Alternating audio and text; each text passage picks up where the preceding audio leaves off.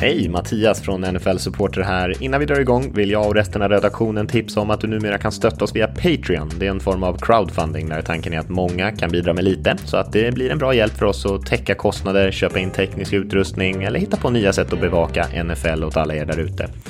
Självklart vill vi ge något extra tillbaka till alla som väljer att göra det, så vi kommer att bjuda in alla som stöttar oss via Patreon till vår redaktionschatt på Slack där vi snackar under matcherna och eh, pratar NFL i allmänhet. Vi kommer också släppa lite exklusiva poddar, erbjuda chans att förhandsboka event och plats i våra fantasyligor och annat smått och gott. Så kolla in patreon.com nflsupporter. Patreon.com nflsupporter.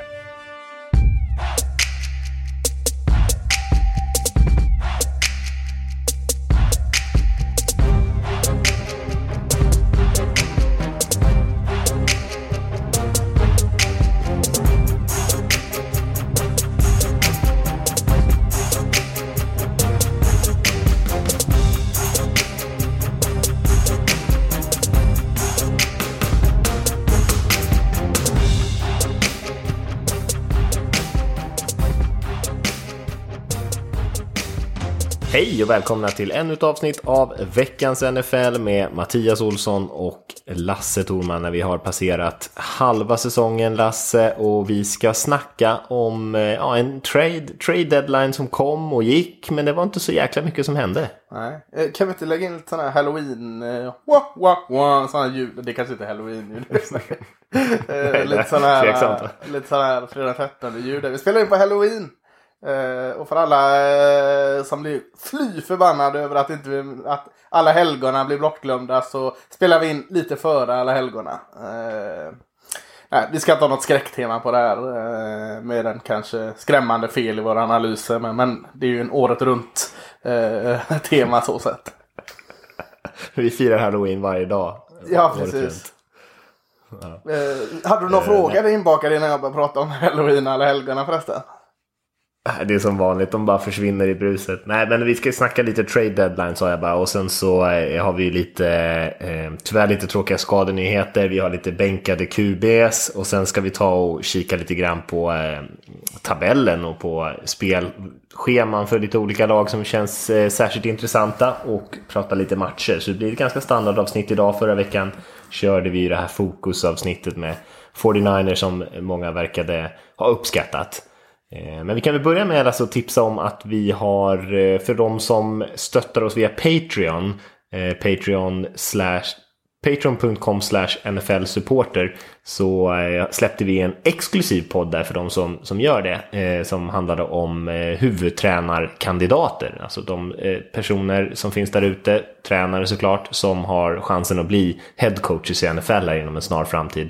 Så Eh, Eh, kika in där om ni är intresserade av att stötta oss så får ni också tillgång till den podden där. Men eh, vi ska börja med trade deadline jag tänkte jag Lasse. Som jag sa där, den kom och den gick och det var inte så mycket som hände. Eh, det som, de få grejerna som vi såg var bland annat Kenyon Drake, running backen i Dolphins, som hamnade hos Cardinals. Vi såg cornern Akib Talib eh, hamna i Miami eh, mot lite draftval fram och tillbaka. Men framförallt kändes det som en lönedump från Rams. Och sen så såg vi pass rushen Michael Bennett eh, hamna i Cowboys från Patriots. Mm. Var det de hetaste där vi, vi gick igenom? Var det inte hetare än så? Nej, Nej, det var inte roligare än så tror jag. Eh, Talib där var väl en sån här, kan man säga, en Brooke Osweiler deal. Mm. Att mm. Eh, Miami tog sig an ett eh, tungt kontrakt för att få ännu mer eh, trevliga val i draften. Ett smart val tycker jag. Eh, risken är att man kanske får in en, en eh, omotiverad spelare. Men, men eh, risken är att det redan finns omotiverade spelare. De få som är kvar i Dolphins ändå. så så att jag, jag, ser det är, jag tyckte det var ett bra val av eh, Dolphins där. Och ganska smart av Rams också. Det är win-win. Eh, vad sa vi mer? Talib är ju dessutom, Talib är dessutom skadad. Så att, eh, vi får väl se om han överhuvudtaget kommer, eh, kommer eh, eh, besöka staten eh, under sin tid i Miami Dolphins. Där eller det är bara en ren spel för gallerierna. Där. Det där är egentligen någonting som man kan diskutera om det borde vara tillåtet eller inte. Men just nu är det ju det. Så att, varför inte? Ja. Vad sa du mer? Du sa Bennett-brorsa till Dallas va? Mm. Ja, de hade ju draftade ju den andra brodern Bennett, Tyrenden där. Eh, känns som väldigt länge sedan och det var det kanske också. Eh, tog han i andra rundan och det skulle redan då vara ersättaren till Jason Witten. Eh, gick väl sådär. Eh, han gjorde inte sin bästa fotboll i, i Dallas. Eh, han tyckte inte riktigt att han fick chansen där. Kom lite clinch med Jason Witten.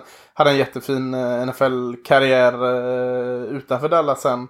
Men det var lite infekterat ett tag och nu kommer brorsan in i Dallas mot ett val i femte eller sjätte. Jag tror det är lite beroende på mm, prestation där. Eh, bortsett från Bennett och Dallas-historien så tycker jag det är en ganska bra trade för, för Dallas. De har satt Tyron Crawford på in your reserve, tradar bort Taco Charlton och, och har lite problem med pass rushen, eh, djupet där. Så att eh, han kan ju också spela på insidan. Eh, så den tycker jag var bra också.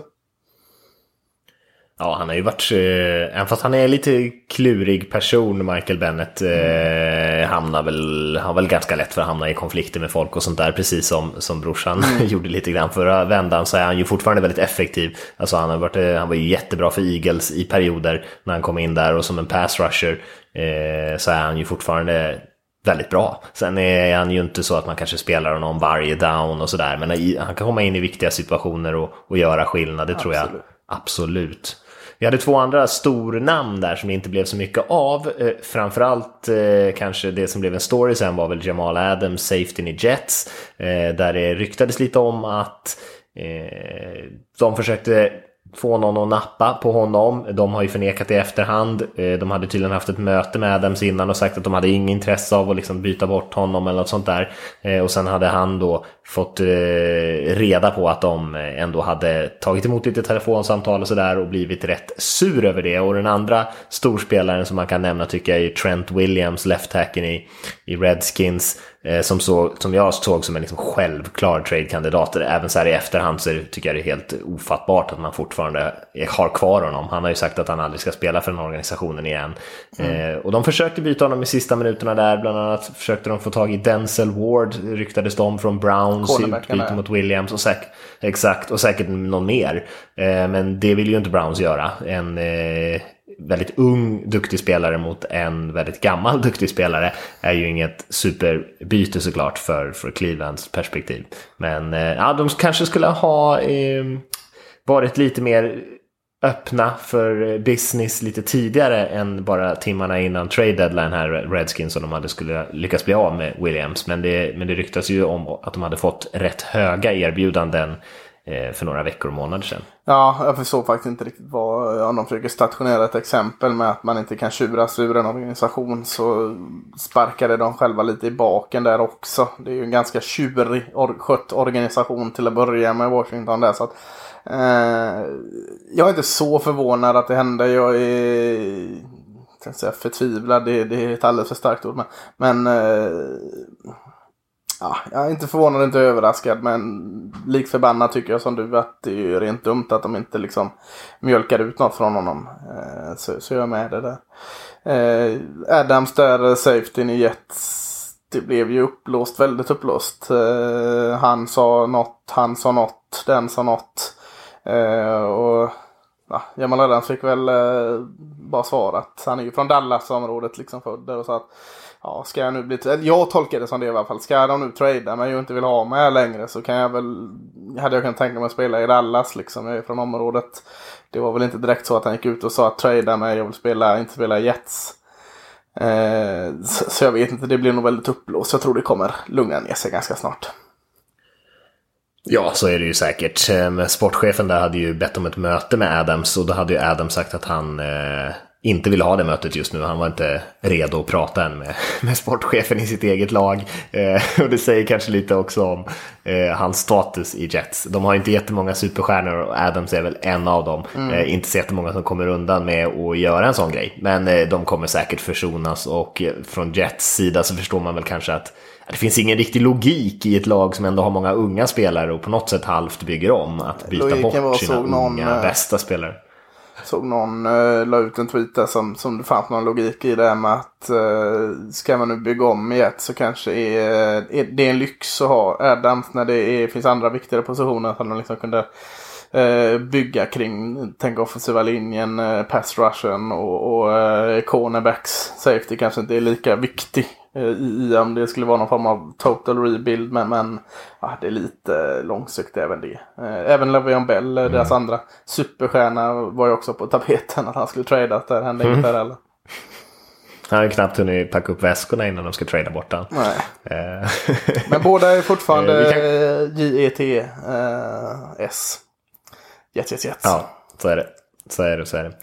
Eh, vi kan ju nämna den eh, tråkiga skadan på JJ Watt också. Twittrade ut eh, strax efter skadan att han kommer missa resten av säsongen. Han ska ju opereras här nu så man kan ju aldrig vara 100% säker. Men, men säger man så så eh, får vi ju lita på honom.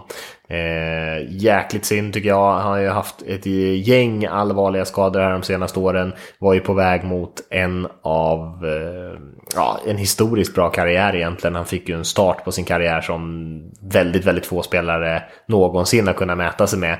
Och jag tyckte han har precis nu innan den här skadan börjat spela på en riktigt, riktigt hög nivå igen.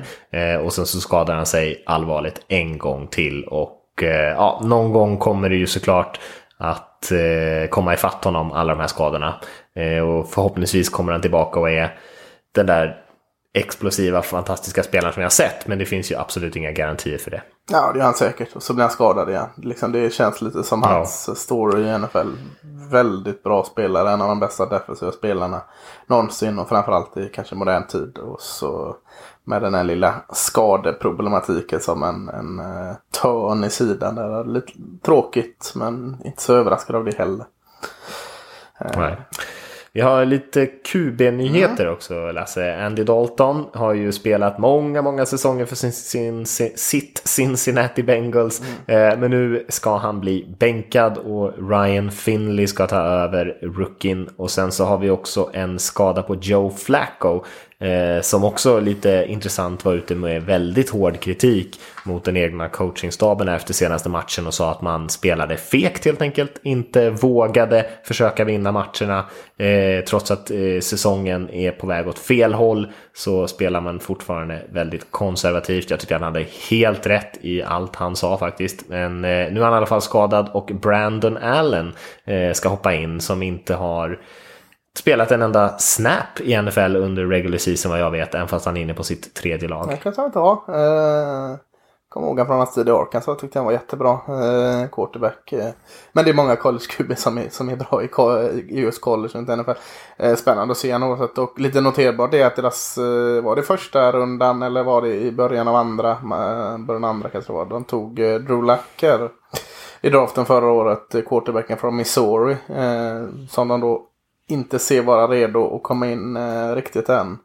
Har ju förbaskat svårt det där. Eh, den gamla QBn eh, John Elway att hitta sin nya QB efter eh, efter sig själv höll jag på att säga. Det är ju nästan eh, han som var sista bra kuben om man inte säger ett halvt år med Peter Manning. Manning kanske. Ja, eh, ja, får se, vad, se, se vad det landar. Jag tror inte Ellen är lösningen heller. Eh, men han kan nog eh, komma in och i alla fall göra det mer spännande än, än Joe Flecko. För, för jag håller med i det Joe Flecko säger att eh, de, har, de har spelat fegt och inte vågat spela ut med. Men hur mycket kan man spela ut med Joe Flecko? Joe Flecko har inte liksom lyckats att spela de här femyardspassen. har ju eh, varit eh, herrans problem för honom. Så att eh, mm, eh, ny QB kan, kan kanske vara i alla fall något skaka om lite i trädet och se om något faller ner. Ja, ja visst. Eh, nej, det, jag tycker väl inte det är Eh, Joe Flacco kan ju såklart spe kunna spela bättre själv. Men, eh, men han har ju eh, rätt i sak ändå att eh, har man chansen att spela före och, och försöka vinna matcherna så kan man inte hålla på och eh, ta det försiktigt och springa bollen på, på eh, avgörande långa situationer och sånt där bara för att eh, riskminimera när man ligger i den situationen som Broncos är i. Dalton tycker jag är intressant också. Jag menar han har ju inte eh, han har ju inte han har ju spelat dåligt, det har han gjort får man ändå säga. Men han har ändå inte spelat dåligt med förskräckligt dåligt med tanke på omständigheterna där i Bengals. Det är mycket som inte fungerar. Den offensiva linjen pratar vi om inför säsongen. Att det här är liksom, det kommer ju knappt fungera och det har det inte gjort heller. Och springspelet är egentligen icke-existerande. Eh, AJ Green skadad. Eh, har ju varit riktigt dåliga förutsättningar och nu kommer Finley in här. Eh, AJ Green i och för sig tillbaka. ja, det är ju lite resamt petar eh, ja, för Dalton. när Edgy Green kommer tillbaka. Eh, tack för den liksom. Får jag min stjärnreceiver, nej då får du sitta på bänk. Ja, visst är det så, men jag tror ändå det kommer bli väldigt svettigt för Finley här eh, när han kommer in. Vi får se, eh, hoppas på det bästa. Men de tänker väl att den här säsongen är körd. Ja, eh, Dalton är liksom inte framtiden, så det är lika bra att testa Och han såg jättebra ut, Finley, på försäsongen. Alltså visst, det är försäsong, men han var ju en av de stora snackisarna pratades om att peta eh, Dalton redan eh, inför första matchen. Även om det inte var så seriöst så hade han ju en av de bästa preseason av alla eh, rookie QBs. Så att, ja, mm. vi får se. Mm. Gillade du Finley i college? Lite upp och ner på honom var jag. Jag tror inte jag satte så galet högt betyg på honom i våran inför draften där. Men, men man såg klara styrkor med honom ändå. Eh, Trygg spelare och, och eh, pålitlig arm och sådant. Men, men stressade fram en hel del. Och, nej, jag tror inte jag var... Jag tror jag hade en eh, tredje rundan eller något sådant på om man skulle liksom dra något snitt. Mm. Jag var inget, eh, inget stort Finley-fan. Eh, jag vet att bland annat hade jag eh, funderat över hur att han säkert kunde vara väldigt bra om, om det var mycket som fungerade omkring honom. Men att han säkert skulle ha det ganska tufft om, eh, om förutsättningarna var därefter också. Att han liksom inte kunde överkomma det. Och nu kommer han in i exakt sån situation. Så vi får se. Förhoppningsvis kan han ju motbevisa mig och säkert andra av hans kritiker och, och göra en bra insats här. Men eh, Bengals kommer nog inte vinna så många matcher den här säsongen oavsett, är min vågade gissning. Ska vi kolla lite grann på resultaten från vecka 8 Lasse? Vi behöver inte gå in i detalj på matcherna. Vi har ju vår recap-podd där, reaktionspodden som spelas in på söndagskvällarna. Eh, men det var inte jättemånga resultat som stod ut, tycker jag egentligen. Eh, favoriterna vann i de flesta matcherna, får man ändå säga. Eh, och en intressant match var ju Chargers-Bears-matchen som av avslutades på en, ett missat field goal om man känner igen det eh, för Chicago Bears-fansen.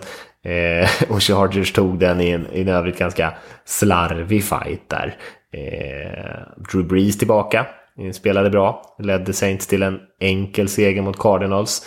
Hade en utklassning där Philadelphia för, för en av mm. få matcher i år där de faktiskt eh, gjorde en övertygande insats, eller i alla fall vann övertygande mot Buffalo Bills. Jag vet inte om det är något mer som du tänker står ut där från, från förra veckans match? Eagles Bills, där står ut en hel del. Eh, kunde inte riktigt sätta fingret på vad som var så bra med Eagles. Kanske då eh, i att vända på det att Bills inte riktigt fungerade som helhet. Men eh, vad stod ut mer? Eh, sagt det mesta tycker jag det var ganska given eh, omgång. 49ers kross sa Panthers. Inte att 49ers skulle vinna, men att han skulle vinna med 51-13. Eller det kanske sa den matchen. Eh, nej, nämnde eh, inte. Det tycker jag väl sticker ut ändå, alltså 51-13 och... Eh, Panthers ja. ett bra försvar också. ja, de var det i alla fall innan den här matchen. innan den här. Eh, så det sticker ut. Och äh, återigen, äh, Jimmy Garoppolo gör väl en, liksom, en bra match. Men det är inte han. Det känns inte som liksom, han behöver göra så mycket. Liksom. Det är som allt annat fungerar så bra där. Eh, framförallt fungerar på det Niners försvar och de gör det så mycket enklare för eh, deras offensiv att vinna matcher just nu. Så att, ja, eh, pratade mycket om 49ers, vi ska inte prata allt för mycket om dem nu heller men eh, kanske Packers Chiefs. Eh, att var inte så överraskande eftersom Mahomes inte var kvar. Men ganska spännande match var det ju. Packers vann eh, på Arrowhead eh, borta i Kansas City med 31-24. Eh, toppmatch. Mm. Man kan ju säga att både i den matchen och i Raiders-Texans-matchen så hade vi ju två av de häftigare spelen får man säga den här säsongen. Först har vi ju eh, Rogers passning eh, till, eh, till sin running back nere i bortre hörnet av endzone och i Packers Chiefs-matchen. Och så sa vi ju också eh, Deshaun Watsons passning, eh, touchdown-passning mot Raiders när han eh, blir sparkad i ögat på vägen ut ur fickan och liksom man ser han tar upp handen liksom för att ta sig för ögat liksom. Och sen så som han själv beskrev det, halvt blind eh, fortsätter han springa sen och kastar en touchdown på det. Eh, för mig så var det det är kanske det häftigaste spelet den här säsongen. Jag, älskar ju Deshaun Watson i och för sig, så jag är lite partisk ja, jag... Men, men två, två häftiga passningar. Tänkte på det, vi pratade ju förra veckan om 49 så The Catch. Fick lite The Catch-vibbar mm. av den här. En, en sargad mm. QB, eh, halvblind och eh, haltande säkert. Hivar iväg trasan och, och den liksom, den fångas in. Det var The Catch moment verkligen. Mm.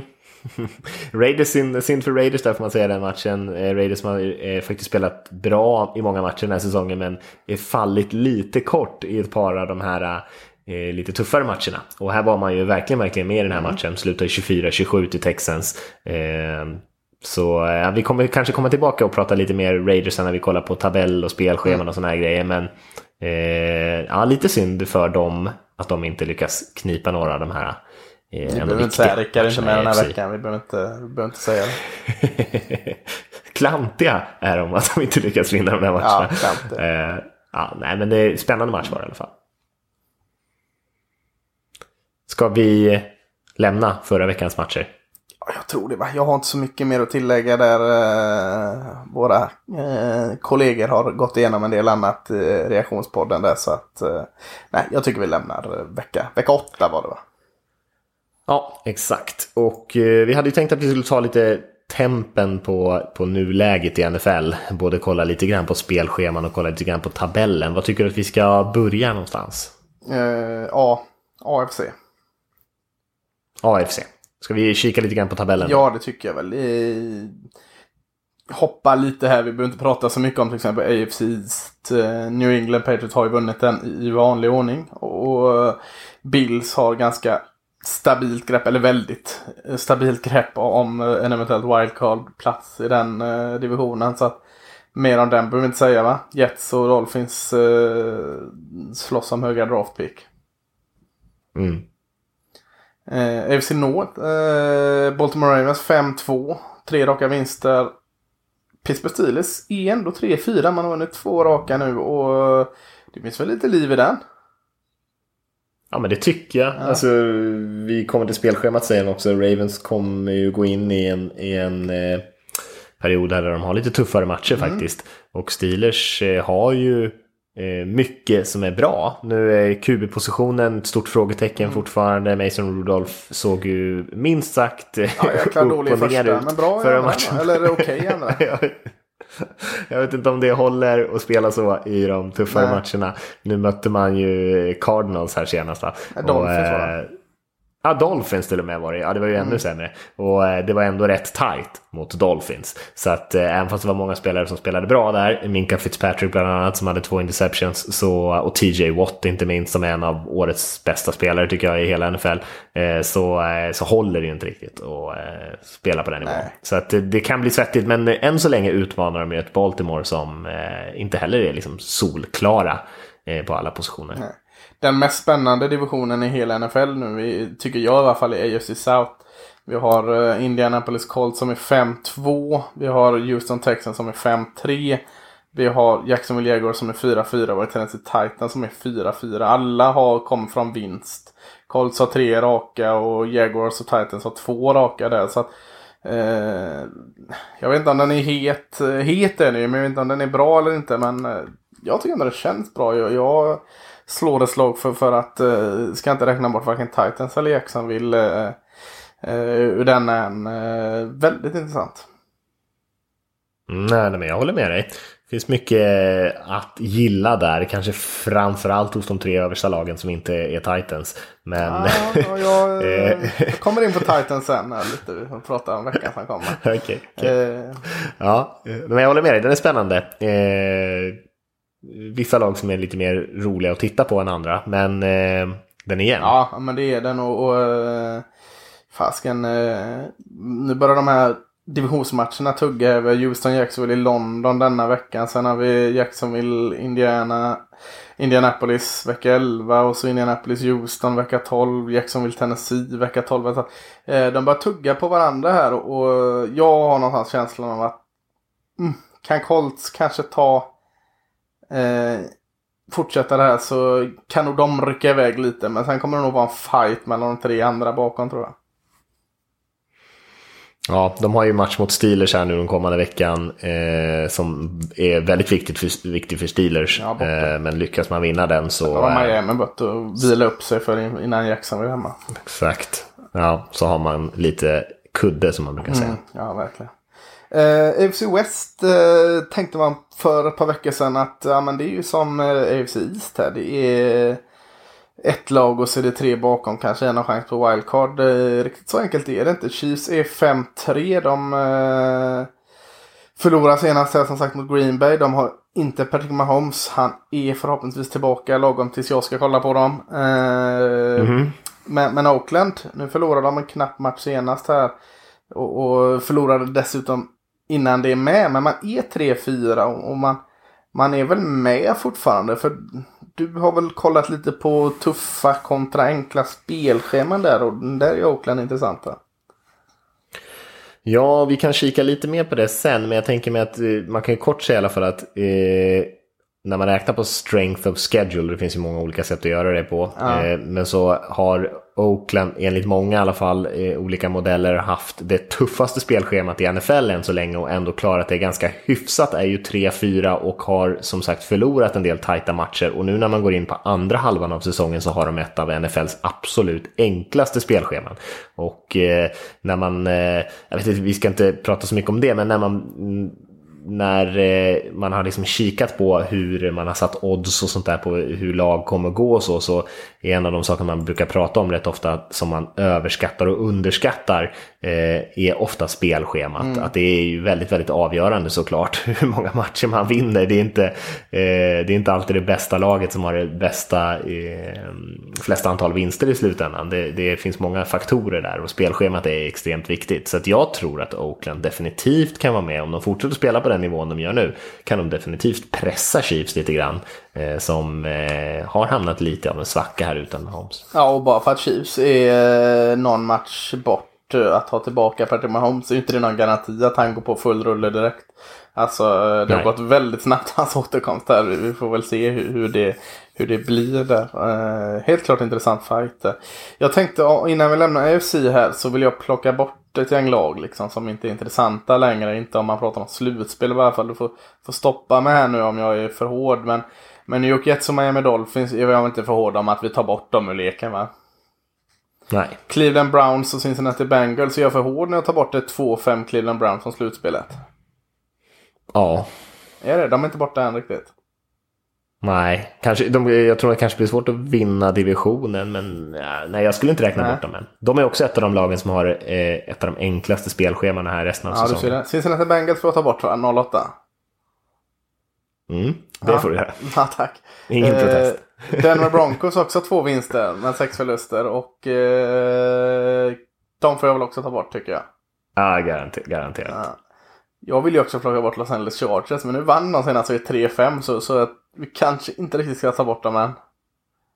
Nej, eftersom divisionsledaren är 5-3 eh, och Raiders precis framför är 3-4 så är det kanske lite tidigt. Men ja. eh, visst ser det ganska svettigt ut för dem. Ja. De måste ju börja spela betydligt mycket bättre i alla fall. Och i AFC så vill jag egentligen bara, kan jag egentligen bara lägga ett lag i eh, klara för slutspelshögen och det är Patriots alltså. Det är inget annat lag mm. som är så. 5-2 är eh, större saker har skett än att man dalar från det. Alla andra divisionsledare är fem, har fem vinster. Eh, Patriots 8-0. Så att eh, Patriots enda i slutspel hittills. Eh, eller är det någon annan du ser liksom är, är där? Nej, Nej. jag håller med dig. Det det är de enda som är helt klara. Jag kan ju nämna det när jag ändå sa det här med Raiders att Cleveland enligt den här tabellerna som jag har tittat på här så har, har de haft det näst tuffaste spelschemat och ja. det näst enklaste resten av vägen. Ja. Så det är en jäkla Ja, det är det verkligen. Det är roligt att få den infliken. Har inte jag sett. Ska vi gå över till NFC eller? Mm, tycker jag. Eh, östra där är det ju ett eh, fight mellan två lag. Eh, samma som förra året, Dallas Cowboys och Philadelphia Eagles. Eh, Cowboys med en bye week av 4-3. Eh, Eagles i 4-4 där. Eh, har mötts en gång de vann Dallas. Så de har ju en, en upp på dem så sätt. Och eh, Eagles har, jag vet inte om du kollar spelschema tufft och enkelt. Men, men eh, de har haft ett gäng bortamatcher här nu. Och nu har de faktiskt tre hemmamatcher i rad mot Chicago, New England, Seattle. Det är ju inte... Eh, två matcher i alla fall ganska tuffa där. Men skönt att vara hemma en del. Sen har du Miami borta. Så att eh, ganska eh, tuffa hemmamatcher i New England och Seattle. Men ändå en del hemma. Eh, Cowboys och Giants borta. Vikings hemma. Detroit borta och New England borta. Så att eh, två ganska tuffa matcher där också. Så det känns väl som att den här fighten kommer gå ända in i slutet. Tror du inte det? Jo, det tror jag. Båda har haft eh, ganska tuffa spelscheman. Eller båda har rättare sagt ganska tuffa spelscheman framför sig. Det Ja. som är skillnaden och som eh, du kanske inte vill höra är väl att Dallas än så länge den här säsongen har haft ett av de enklaste spelschemana och inte riktigt lyckats utnyttja det. Nej, det är ju bara så är det. 4-3 trots att man har haft en, ett, några matcher som man kanske borde ha tagit. Och nu går man in i en betydligt tuffare Mm. eh, andra halva. Men eh, det enda som man kan trösta sig med är väl att Eagles har rätt många svettiga matcher de också som du var inne på. Men eh, det kommer bli tajt där, det tror jag. Mm. Men eh, just nu så är det ju Eagles som har en liten, liten fördel skulle jag säga. du alltså? Eh, inbördes möte där. Eh, mm, nej, jag vet inte. De har ju... Cowboys brukar eh, spela bättre mot bättre motstånd också. Ja, det är sant. Eh, det, de Ja, har inte ju Bay, kanske... de aldrig mot. Men, men eh, de har en tendens att förlora mot Jets och sådana liksom. Men, men eh, kan mycket väl åka upp och vinna i New England där och, och förlora mot Giants nu i helgen. Liksom. De, de är väldigt frustrerande så sett. Nej, men jag, tror- det är ju, alltså, båda lagen, alltså både Cowboys och Eagles, är ju lag som man har haft för höga förväntningar på. Och som jag tycker båda har gjort en besviken den här Ja, säsongen. ja, jag jag tror att båda har mer, betydligt mer att ge. Eh, och det, men det gäller ju att hitta den liksom flowet. Och det är det jag menar med Eagles lite grann. Att de spelar ju relativt bra här senast åtminstone. Och tycker jag visat Mm. ganska mycket positiva tendenser på senaste tiden. Och känns Senaste som veckan att de hålla är. Senaste tiden. Ja, senaste veckan framför allt kanske. Men känns inte som att de har... Eh, det känns som att de är lite närmare att liksom lossna än cowboys. Men det är bara en magkänsla egentligen. Det är ingenting som jag eh, grundar på något särskilt. Men det, är ju, det kommer bli tajt mellan dem. Som de andra två lagen kommer ju självklart inte ha någonting med saken att göra. Nej, Giants och Redskins där, de, eh, de är inte med där. Eh, Men det finns ju en risk att de tar ut varandra lite grann här i Cowboys och Eagles och har tuffa spelscheman och, och det är bara divisionsvinsten som kommer räcka. Det blir ingen Nej, det tror jag mycket väl. Så tror jag det blir. Eh, det känns inte som en wildcard-division, eh, NFC East då. Eh, NFC North eh, pratar vi väldigt mycket och, och gott om Green Bay Packers med all rätt. De är ju 7-1. Eh, men det är inte på något sätt klart för att Vikings är fasken 6-2. Eh, fyra raka vinster av båda lagen där. Så att, eh, visst, Green Bay är jättebra och förtjänar all cred de, de har fått över sig. Men pratas lite lite om, om, om att Vikings också går jättebra just nu. Så att eh, om vi säger att det är en kamp, en någon sån där sluggerfest i NFC East där liksom den minst dåliga går till slutspel så är det ju verkligen motsatt i NFC North där det är någon sån här sprudlande fight i toppen där, där eh, nästan nu känns givet att du har en divisionsvinnare och en wildcard-plats. Eh, visst är det så? Mm, nej men jag tycker det. Eh, också så två lag som lite grann som Eagles och eh, Cowboys som man eh, eh, tror ganska mycket på. Men som eh, började lite taskigt men har fått upp tempot rejält här på slutet. Ja, de har lite mer infriat förväntningarna till skillnad från Eagles och Cowboys. Ja, ja, definitivt. Definitivt. Men också lite, finns lite intressanta grejer att, eh, att säga om deras spelscheman också framöver.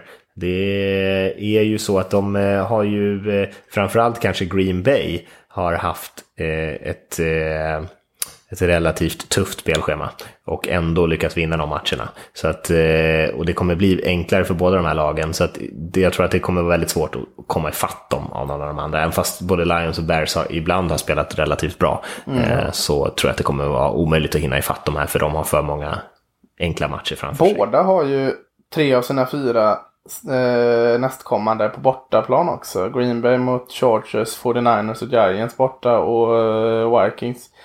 Tre ganska tuffa bortamatcher. Chiefs, Cowboys och eh, Seahawks. Så eh, Mm. ja, eh, de får bekänna färg verkligen där.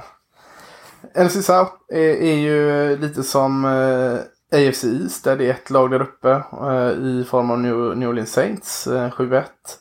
Sen är det Carolina Panthers som är just nu ohotad tvåa med bara 4-3 säger jag.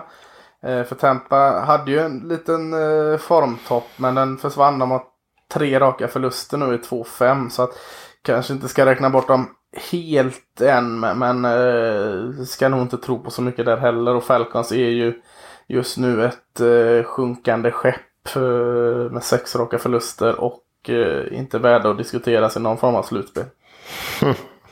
Nej, eh, också ett av NFLs svåraste spelscheman på andra halvan här. när man redan är 1-7. Eh, ja, det är helt rätt. kanske inte så, eh, nej, de, de kommer eh, inte avsluta den här säsongen särskilt snyggt tror jag. Eh, Nej, spännande divisionen då tycker jag, för, framförallt för Panthers kanske. Saints kommer ju ta den här, men eh, jag tror att Panthers är tillräckligt bra för att slåss om en wildcard-platsen då. Saints eh, kommer ju glida igenom där, ser ut som det bästa laget i NFC tycker jag.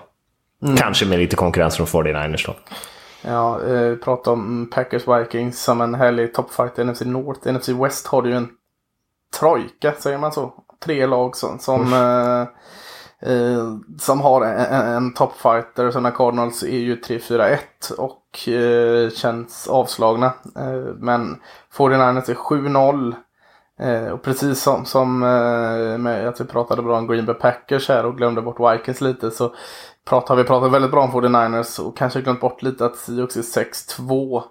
Eh, och eh, Rams är 5-3. Så att eh, eh, höga krav har man såklart på Rams men, men 5-3 är helt under kontroll skulle jag vilja säga. Och det ger ju en liten chans här att vi kanske inte får något eh, wildcard-lag från eh, mer än NFC North och så har vi två från NFC West. Eh, är ju en möjlighet för att här är det en jättehärlig fight mellan de här tre lagen.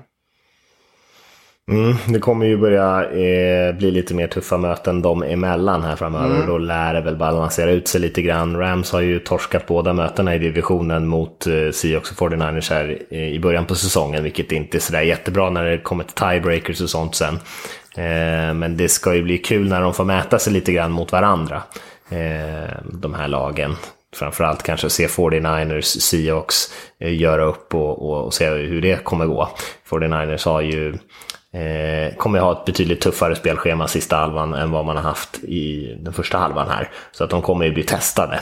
Jag tror inte de kommer kunna spöa på lag som de gjorde mot Panthers här senast varje match. Utan eh, Garoppolo och den delen av laget måste ju lyfta sig lite grann om man ska fortsätta vinna. Mm. Jag håller det fortfarande som en stenhård fight mellan, mellan 49ers och Seahawks här och så är Rams kanske lite, lite, lite bakom. Men eh, jag ser det absolut som en möjlighet att eh, få med tre lag från NFC West till eh, slutspel.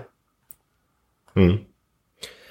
Finns en chans. Ja. Finns en chans. Ja, jag tror det finns en stor chans. Eh, Men om jag ska ta bort lite lag här också då så eh, tror jag inte du är emot mig jag säger att eh, New York och Washington från NFC East plockar vi bort. Mm. Jag tar bort Atlanta Falcons. Får jag ta bort 3-4-1 Cardinals? Eh, tanke på att de är NFC West. Mm. Får jag ta bort ett 2-5 Tampa Bay Buccaneers i NFC South? Eh, ja, det får du göra. Får jag ta bort 3-4 Chicago Bears från NFC North? Ja, definitivt. Mm. Men Detroit Lions vågar vi inte riktigt ta bort än va? Vi ger dem en vecka till. Mm, ja, jag skulle ha tagit bort dem. Men eh, det är kanske lite tufft. Eh, de är ändå 3-3-1 så att de är väl eh, värda att få eh, lite mer förtroende. Men Man får eh, en vecka precis till, som jag? Ja, exakt. För jag tror att framförallt så handlar det väl inte så mycket om Lions egentligen. De har ju haft chanser att vinna de här tajta matcherna och de har inte tagit dem. Nej. Och nu är i glappet till Vikings Packers rätt stort. Och det hänger ju på att de lagen ska förlora också. Så att det Ja. är ju inte i, i Lions egna händer. De kan ju spela hur bra som helst här på slutet. Och det kommer ändå bli väldigt, väldigt tufft. Mm. Eh, så att jag tror just därför att NFC är ju mycket bättre än AFC i år. Det finns mycket fler bra lag. Men och eh, Ja, det är ju nästan alltid så. Men ja. det gör ju att det är betydligt svårare att ta sig ett slutspel där. Ja. Ja. Har du något mer att tillägga på eh, vår summering där? Eh, nej, jag tror inte det. Jag kan ge dig en topp 5 på eh, spelschemat ja, där om du vill. Eh, Var topp 5 av tuffast eller? Exakt, nu ska, vi, nu ska vi ha tungan ja. rätt i mun här. Jag tänker mig om vi börjar med eh, vilket spelschema man har haft ja. hittills den här säsongen. Vi kan ge en topp 5 och botten 5 på mm. båda. Så har eh, Raiders, Browns, Buccaneers, Jets och Panthers haft det tuffaste spelschemat hittills. Och eh, Chargers, eh, nej vänta nu ska vi börja, vi börjar nerifrån här. Så Patriots, Bills, eh, Cowboys, Ravens, Cardinals har haft de enklaste spelschemana. Så att mm. Patriots är absolut enklast idag och sen i den ordningen. Och sen om man kollar då på hur det kommer se ut här framöver så börjar vi med de som har de absolut tuffaste spelschemana. Så är det Ravens, Panthers, Cowboys, Falcons, 49ers som kommer ha de tuffaste spelschemana. Och där har vi ju ett par divisionsledare än så länge i Cowboys, Ravens bland annat. Eh, så, så Panthers som... var på, stämmer det att de var på listan som har haft tuffast och som är på listan nu som kommer ha tuffast? Ett jävla ja. skitspelschema har Carolina Panthers eh, snubblat över i alla fall. ja, och då, ja. men eh, ja, exakt, mm. det stämmer. Hur kan det stämma? Det är helt Nej. osannolikt. Jag menar, ja. ja. Anywho, och sen enklast spelschema då. då. Eh, nu ska jag säga vad det var. Att jag, ja, exakt. Enkla spelscheman. Nej, det har vi tyvärr inte. Patriots där. Utan vi har Jets, Browns, Raiders, Jaguars, Saints. Eh, på de enklaste spelschemana. Alltså just Saints till exempel då, som har femte enkla spelschema och redan är 7-1 i en South-division som är rätt svag. är ju de som kommer segla in här på eh, nummer ett-sidan i NFC kan vi ju typ nästan räkna in här. Mm, ja men det gör vi det. Nej men det var, ja hur fasiken kan Carolina Panthers ha det? För jag menar schemana är byggda så att ändå lagen i sin division ska ha ungefär samma uh, tunga scheman ändå. Ja, exakt. Nu, nu sitter de här, de här två som jag tittar på här räknar ju inte på exakt samma sätt. okay. Så att det kan ju vara eh, lite annorlunda. Det är ju mer en indikation att man ska ta det som, som lag. Men eh, den här som handlar om svåra spelscheman, de räknar på Super Bowl odds då. Så om man har ett lag som har ett högt Super Bowl, eller ja, som har Vegas har bedömt har stor chans att vinna, vinna Super Bowl eh, så gör det att man får ett svårare och sen har de räknat ut då ett snitt. Eh, och den här andra gick nog mer på vinster, förluster. Ja, säg som det är nu Mattias, det är du som har haft lite fritid över och lekt i Excel. Exakt. Exakt. Ja, du, du vet ju, du har ju erfarenhet hur bra jag är på Excel. Ja, eh, ja jag fick ta skiten. ja. Uh, vi, kan förklara det kanske när vi pratar om vår power ranking nästa gång. Ja, lite, ja, nästa power ranking kan vi släppa det, Mattias Excel-bomb här. uh, så ska jag få lite En liten teaser. Ja. en teaser. Uh, ska vi titta på vecka nio lite snabbt Hasse? Ja, för att jag blir lite sugen på att gå igenom vår power ranking här nu. Sätta, ska vi sätta oss och excella och så får alla sitta och vänta i tysthet när vi klickar i våra lag. Nej, Då blir det inte det sista, det blir inte sista förvirrade inslaget vi gjorde om power rankingen det förra. Nej, precis. Nej, jag tycker vi kollar, vi kollar fram. Vi kollar vecka, vecka åtta i, bakom oss och då eh, behöver jag inte Excel för att räkna ut att det är vecka nio vi ska ta oss en titt på va? Genialiskt. Ja. ja. nej, eh, så är det. Och eh, jag tyckte det var lite klurigt att hitta riktigt roliga matcher. Eh, det finns alltid ett par mm. såklart, mm. men, men vissa veckor bara kryllar av intressanta matcher. Den här veckan var det lite, lite snålare tycker jag. Men man kan väl börja nämna den här London-matchen. Matcherna börjar redan 15.30 och sen är det faktiskt en timme tidigare än vad det brukar vara. Va? Nej, är det inte det? om det. Eh, ah, okay, natten okay, okay. till söndag. Så college, är ni, är ni sugna på det så är det lite tidigare college. Men NFL är eh, tillbaka till 19.00. Eh, vare sig ni vill det eller inte. Eh, men men 15.30 är det i, nu är det slut på de här matcherna på eh, Tottenhams nya fräcka arena. Utan eh, nu är det den gamla trötta eh, Wembley som har stått, vad den har stått, 10 år, 15 år. Som gäller igen. Eh, I vanlig ordning är det ju Jaguars i London. Och, de möter eh, divisionsrivalen Texans. Jag tycker ju den är eh, jätteintressant. Eh, och det, det, tror jag nog du också tycker. Eh, du kanske inte lägger lika stor betoning på jätte som jag men eh, mm. Houston är 5-3, Jacksonville är 4-4. Det är, I stort sett eh, ligger de bredvid varandra. Det, ja, det gör de ju också. Eh, men med J.A. Watts skada här. Eh, Jadivion Clowney tradar sedan tidigare visserligen. Eh, så är det ju liksom den där identiteten som Houston har haft ganska många år nu i varje fall. Det här eh, pass rusher-laget eh, liksom. Det, det är ju inte det längre. Och det, det, har det väl successivt varit under säsongen ju mer att liksom man ser att det är faktiskt en offensiv tanke och kanske en offensiv identitet i Houston som vi inte har sett innan. Men nu är J.J. Watt borta, Clowney är borta. Eh, mycket på vila på en sån som eh, Merciless, Whitney Merciless axlar här nu. Eh, kan, vem, vem, kan steppa upp liksom och hjälpa till? Charles Omeniu, rookien från Texas han tog i, skulle säga femte rundan eller något. Är det något liksom att satsa på? Hur löser de den biten känner jag? Alltså, eh, eh, att komma efter Gardner Minshew här, vad, vad, vad, vad har de att ge?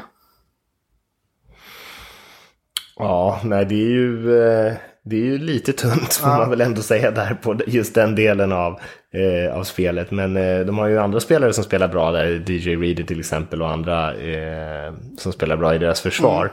Eh, men eh, det, ser ju, det är inte riktigt det här samma Texans försvar som man sett sedan tidigare år. Det är ju eh, absolut mycket som kretsar kring Deshaun Watson nu som är en av de mest intressanta spelarna den här säsongen tycker jag på, på anfallssidan. Där man fått lite ordning i alla fall. Och det är ja, ju lite det, det, som får bära dem. Ja men visst, är det så. För att offensiv, offensiven den känns komplett ska man aldrig säga. Men, men i stort sett komplett. I varje fall om du har varit van vid hur det har sett ut tidigare år i Houston. Alltså, eh, allting startar väl. Vi, vi gav eh, O'Brien ganska mycket skit för vad han gav upp för med Tansil.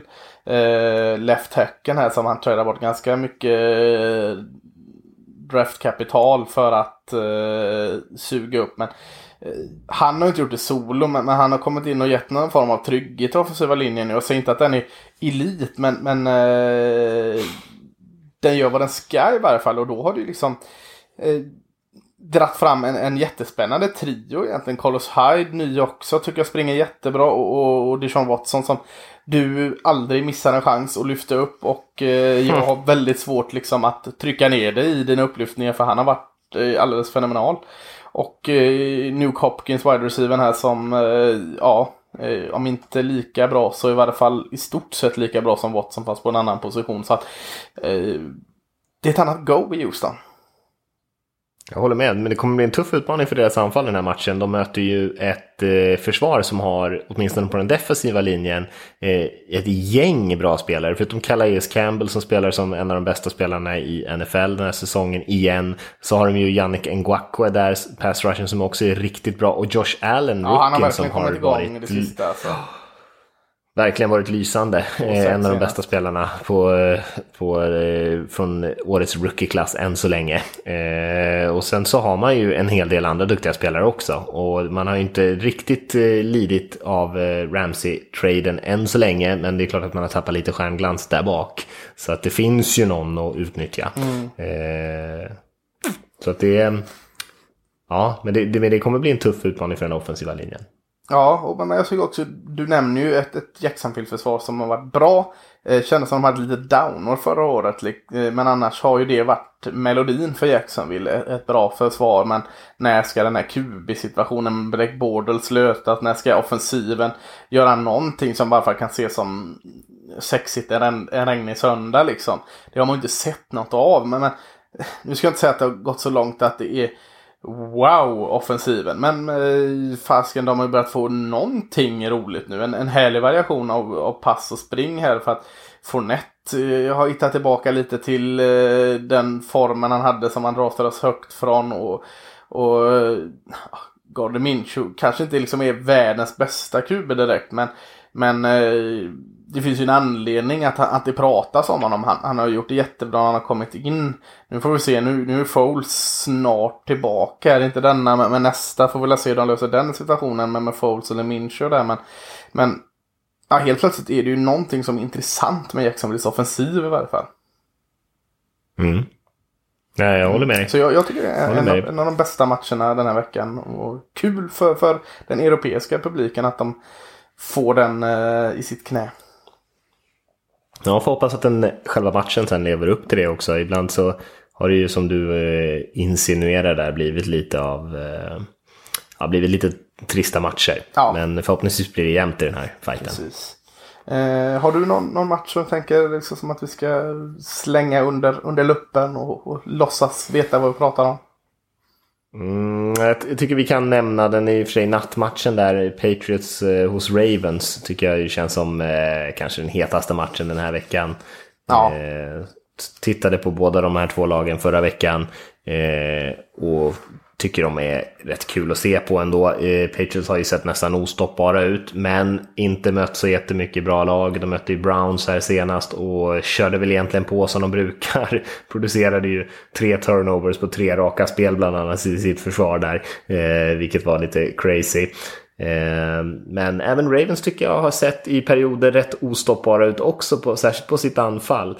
Och det, det, det, kommer bli en intressant matchup här. Det, Patriots gör ju en del galna grejer med sitt försvar. De gör ju bland annat den här Zero Blitz-spelet som de håller på med när de egentligen spelar helt utan safeties. Mm. De spelar bara man-man med sina cornerbacks och sen blitzar de alla andra spelare. Eh, det är ju liksom galenskap att hålla på och göra det så ofta som de gör det.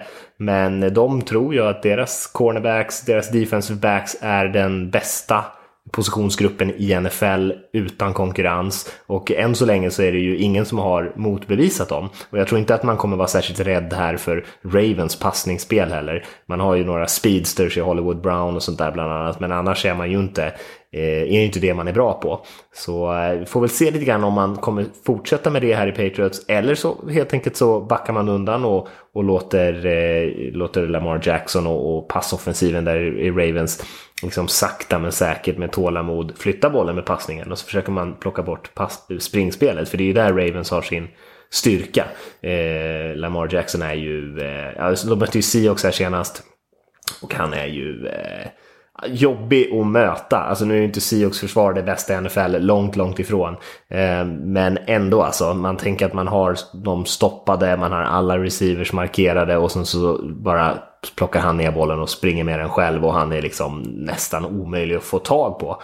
Eh, så det ska bli ut, oerhört kul att se det här Patriots-försvaret som har spelat så bra mot Lamar Jackson och det här explosiva Baltimore-anfallet. Eh, jag tycker det kan bli en häftig match. Mm. Eh, du gillar ju att ta ut nycklar i matcher. Eh, har du gjort innan i alla fall.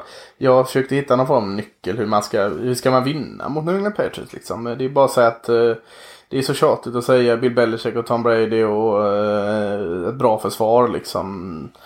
Jag försökte liksom eh, klura på någon nyckel här för, för eh, Baltimore och du är inne på det lite här om, om hur jag skulle gjort. Det säger ju inte så mycket, jag, jag, jag har inte de kunskaperna. Men, men eh, New England har inte varit överdrivet effektiva eh, i, om man, om man tänker på Ravens försvar här nu. Så, så New England har inte varit överdrivet effektiva i sitt springspel i år. Eh, och samtidigt är det en av Ravens styrkor i försvaret att just stoppa spring. Så eh, jag vet inte hur mycket man ska lägga sin kraft på detta. Eh, eh, kanske backa av lite, försöka bromsa dem att hitta lösningar i luften. Eh, nu har inte Ravens i närheten av lika bra secondary som New England har, men, men i alla fall bättre secondary än tidigare. Earl Thomas kommer in i det allt mer och mer. Eh, så fuska lite här, alltså spela djupt emot pass och, och lägga tyngden på den defensiva linjen och kanske kan lösa eh, New Englands springspel så kanske det kan bromsa upp och störa lite offensiven. Och, eh, och vänder man på det som du säger där eh, i, i Patriots försvar är det ju inte lätt att hitta brister. Alltså. Det, det, det finns ju en anledning som du säger att de kör Zero Blitz. Det är ju för att de har fantastiskt jäkla bra eh, DBs eh, så att de kan göra det. Eh, det ska inte gå att göra så mycket som de gör och det ska inte gå att komma undan med det så ofta som de kommer undan med det. Men Eh, istället för att kanske hitta svagheter i, i eh, New Englands försvar, för, för det är inte så lätt att hitta dem. Så får man kanske liksom fokusera helt enkelt på vad man själva gör bra och köra på det. Springspelet med Lamar, det är något unikt de har där. Eh, kör på det unika där. Försök öppna upp med play action och kanske run pass option med Ingram och, och eh, vad de nu har att springa med annars. Liksom.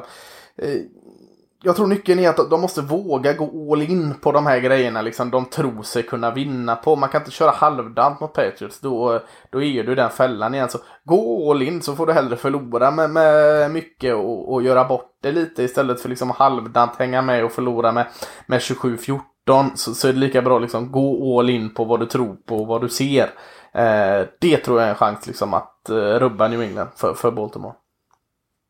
Ja, och är det någon coach som gör det så är det nog John ja, Harbaugh tror jag. Jag tror, inte han, jag tror inte han är rädd för det, utan han, han går nog in och spelar och känner att han, att han behöver chansa lite så gör han nog det. Ja, men jag håller helt med dig, det blir ju lätt så att man pratar om hur ska motståndarna kunna slå Patriots mm. och det blir kanske lite trist infallsvinkel varje gång, men det, mm. Patriots får ju alltid vara storfavoriterna på något sätt och jag håller helt med dig om det du sa där egentligen. Försöka kontrollera tempot i den här matchen, vinna på linjerna, och det har man potential att göra mm. tycker jag. Undvika misstag, Eh, Patriots var inte så jäkla mycket bättre än Browns förra veckan, men Browns gjorde ju hundratals misstag, höll jag på att säga, och, och förlorade i matchen själva. Patriots behövde ju knappt göra någonting för att vinna. Eh, och sen försöka ta bort det här Patriots springspelet, för att vad man än tycker om Tom Brady, han är fantastisk på många sätt. Han, han läser spelet bättre än någon annan. Han ser det som, som nästan ingen annan quarterback i NFL gör. Men han är definitivt inte en av de bästa quarterbacks i NFL längre. Om han måste bära hela laget på sin arm eh, så är det inte säkert att han kan göra det. Och man har heller inte jättemycket vapen för honom att passa till. Eh, nu har man ju fått in Sanu här och försöker liksom fylla på hela tiden. Det är för att man vet att man har en svaghet där. Eh, mm. Så att om man tvingar Brady att flytta bollen själv upp och ner längs med planen mot tight coverage, då kommer han inte eh, kunna göra det tror jag. Sen kan han fortfarande potential att göra. Han gjorde en fantastisk pärla längs med vänsterkanten mot Browns här senast som bara satt på läppen. Eh, ett långt spel. Men eh, det är inte så många sådana spel som man vill göra i Patriot utan man vill spela mycket mer metodiskt än så. Eh, så att eh, tvinga dem då att eh, försöka ta sig fram långsamt och jobbigt och, och ha det lite svettigt sådär istället för att de får komma igång med sitt springspel och ha hela den här balansen. Mm, ja. eh, men, men som du säger, vi har pratat väldigt mycket om den här matchen just nu. Och, och eh, det gör vi ju för att det är en väldigt intressant match. Och eh, som du sa inledningsvis, det, det får vara veckans match detta. Den är eh, lite senare tyvärr. Men, men eh, so be it. Får jag se den morgonen efter om man inte orkar. Eh, för den, den måste ses i alla fall. Den, den kan bli väldigt rolig. Jag tror det också. Har vi något mer där som är intressant? Eh, Colts och Steelers är ju rätt kul ut ändå. Viktig match. Ja, det. Ja, men jag tycker att alltså, det är två lag som kanske är inte de mest underhållande just nu. Men det finns ju, finns ju kul spelare på, i båda trupperna tycker jag. Eh, och eh, som sagt en väldigt viktig match, framförallt för Steelers kanske. Colts har ju möjlighet att dra ifrån lite grann där i AFC South. Eh, medan Steelers eh, försöker hänga på Ravens bäst de kan där. Eh, och försöka hitta någon typ av rytm med sina eh, reserv-QB som man har inne i spel. Men många på Steelers försvar som spelar bra, eh, även längs den offensiva linjen och sådär. Så att eh, det finns lite att titta på ändå, men QB-positionerna med Brissett där och sen även eh, Mason Rudolph i Steelers är kanske inte de mest intressanta namnen. Nej, vilken Mason Rudolph får vi se? Första halvleks Rudolph mm. mot Dolphins eller andra halvleks Rudolph? Uh, ja, uh, två bra wide receiver tycker jag som, som det pratas alldeles för lite om. Eh, tycker jag ändå är värt att lyfta fram. Det är T.Y. Hilton i Indianapolis Colts och det är Julius Smith-Schuster i, i Pittsburgh Steelers. Eh, i, på, I regel pratar man väldigt, eller vi kanske omedvetet, om uh, wide receivers när vi pratar om våra matchups. Jag tycker det är två riktigt fina sådana som uh, då kan vara det sexigaste i den här matchen. Mm. Mm. Eh, ja, har du något mer på den eller? Nej, nej, nej. kan hoppa vidare. Ja, eh, jag tänker eh, Vikings eh, mot Kansas City Chiefs här i, i Kansas City igen. Eh, känns som de bara har haft hemmamatcher. Eh, eller så är det varje gång jag vill kolla på dem så är det hemma i, i, på Arrowhead. Eh, Vikings 6-2 eh, i NFC Chiefs 5-3 AFC så det är ju ingen rivalmatch så sinsemellan. Men, men eh, det är ändå en spännande match tycker jag. Eh, KC åkte ju på den här proppen av, av eh, framförallt Aaron Rodgers som spelar så fantastiskt bra just nu så att eh, det är bara störigt tycker jag. Eh, mm. Och Kirk Cousins är såklart inte i närheten av en Aaron Rodgers här men, men just nu funkar offensiven jättebra för, för Vikings. Eh, och som du har sagt innan i podcasten tidigare så är Cassis en bra quarterback när han har eh, rätt eh, förutsättningar att vara en bra quarterback.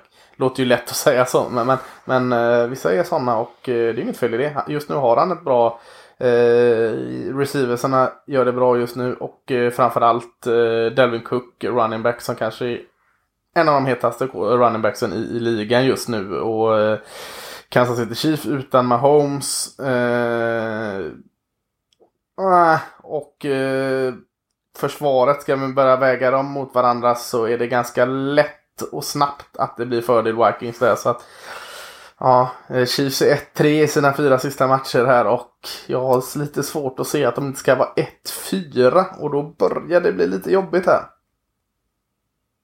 Mm. Ja, nej, Vikings måste ju vinna den här matchen tycker jag. Det är så samma sak om Packers förra veckan. Eh, möter Matt Moore här, det är klart att man måste vinna den matchen. Eh, sen kan Chiefs anfall alltid slänga ihop en del poäng. Eh, men eh, som ett topplag i NFC så, så måste man spöa så här stukat Kansas City tycker jag. Eh, intressant med med playcallingen också där i Vikings som eh, Cousins har ju börjat spela riktigt, riktigt bra men man har ju också börjat göra saker som han är väldigt bra på. Man har använder betydligt mer play mm. action mm. och såna här grejer som, som han alltid har varit ja, bra på. När han får rulla ut lite där så, så känns det bättre än honom. Ja, exakt. Och så har man så effektivt springspel dessutom så, så förstår man ju att eh, att det är ett, ett rejält hot också såklart med, med Dalvin Cook hela tiden och han kan man ju dessutom passa om efter fejken. Mm. Så att eh, man har ju många duktiga spelare som, som passar in och spelar så och Cousins är ju allra bäst i de situationerna. Så att, nej, men, intressant match. Jag, jag, är inte helt säker på att Vikings kommer ta matchen, men man borde ju ta mm. den. Särskilt eftersom Green Bay vann samma typ av möte veckan innan eh, och man har dem i sin division att tävla mot så, så blir det ju extra viktigt för dem att ta den. Ja, ja verkligen. Eh, får jag pitcha en match till? Orkar mm. vi med det? Ja, eh, kan ja. ta den lite snabbt. Ja, eh, Tennessee Titans eh, möter Carolina Panthers borta. Titans 4-4, mm. Carolina Panthers 4-3. Kanske inte låter jättespännande, kanske inte är det heller, men jag tycker den är spännande. För att jag börjar tycka det är spännande med Tennessee Titans nu. Eh, mitt lilla sån här eh, fusklag. Eh, nu när Dolph, jag inte kan luta mig mot Dolphins längre så lutar jag mig mot Titans. Eh, lite varningsklockor också med Panthers. Alltså den här 51-13 förlusten senast mot 49ers. Alltså, mm, det var sett, det måste ju sätta spår i Carolina. Alltså. Man hade fyra raka vinster innan det och kändes eh, väldigt bra. Men Oj vad det känns långt bort nu. Eh, framförallt när, när eh, det kommer ut rapporter att Christian McCaffrey har lite problem med ett knä. Ingenting som ska hindra honom från att spela. Men hindrade honom med hans unika spelstil. Så ja.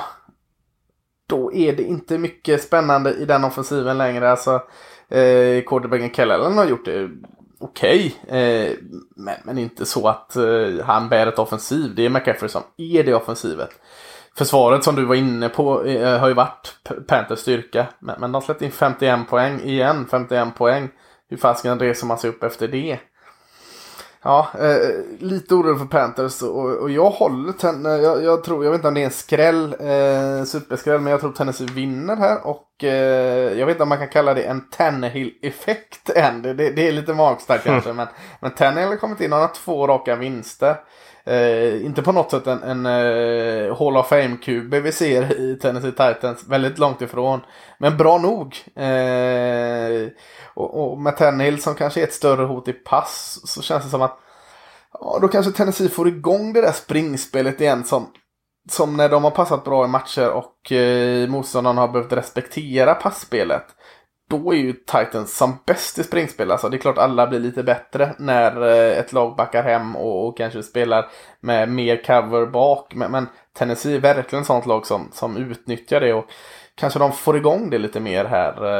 Eh, försvar, försvaret spelar på hög nivå nu. Det, det, liksom, det funkade så det, det, är inga problem med Tennessee. Men, men kan man mer och mer liksom nyttja Tannehills arm eller hans i alla fall mod, om man ska kalla det så, att passa som inte Mariota hade.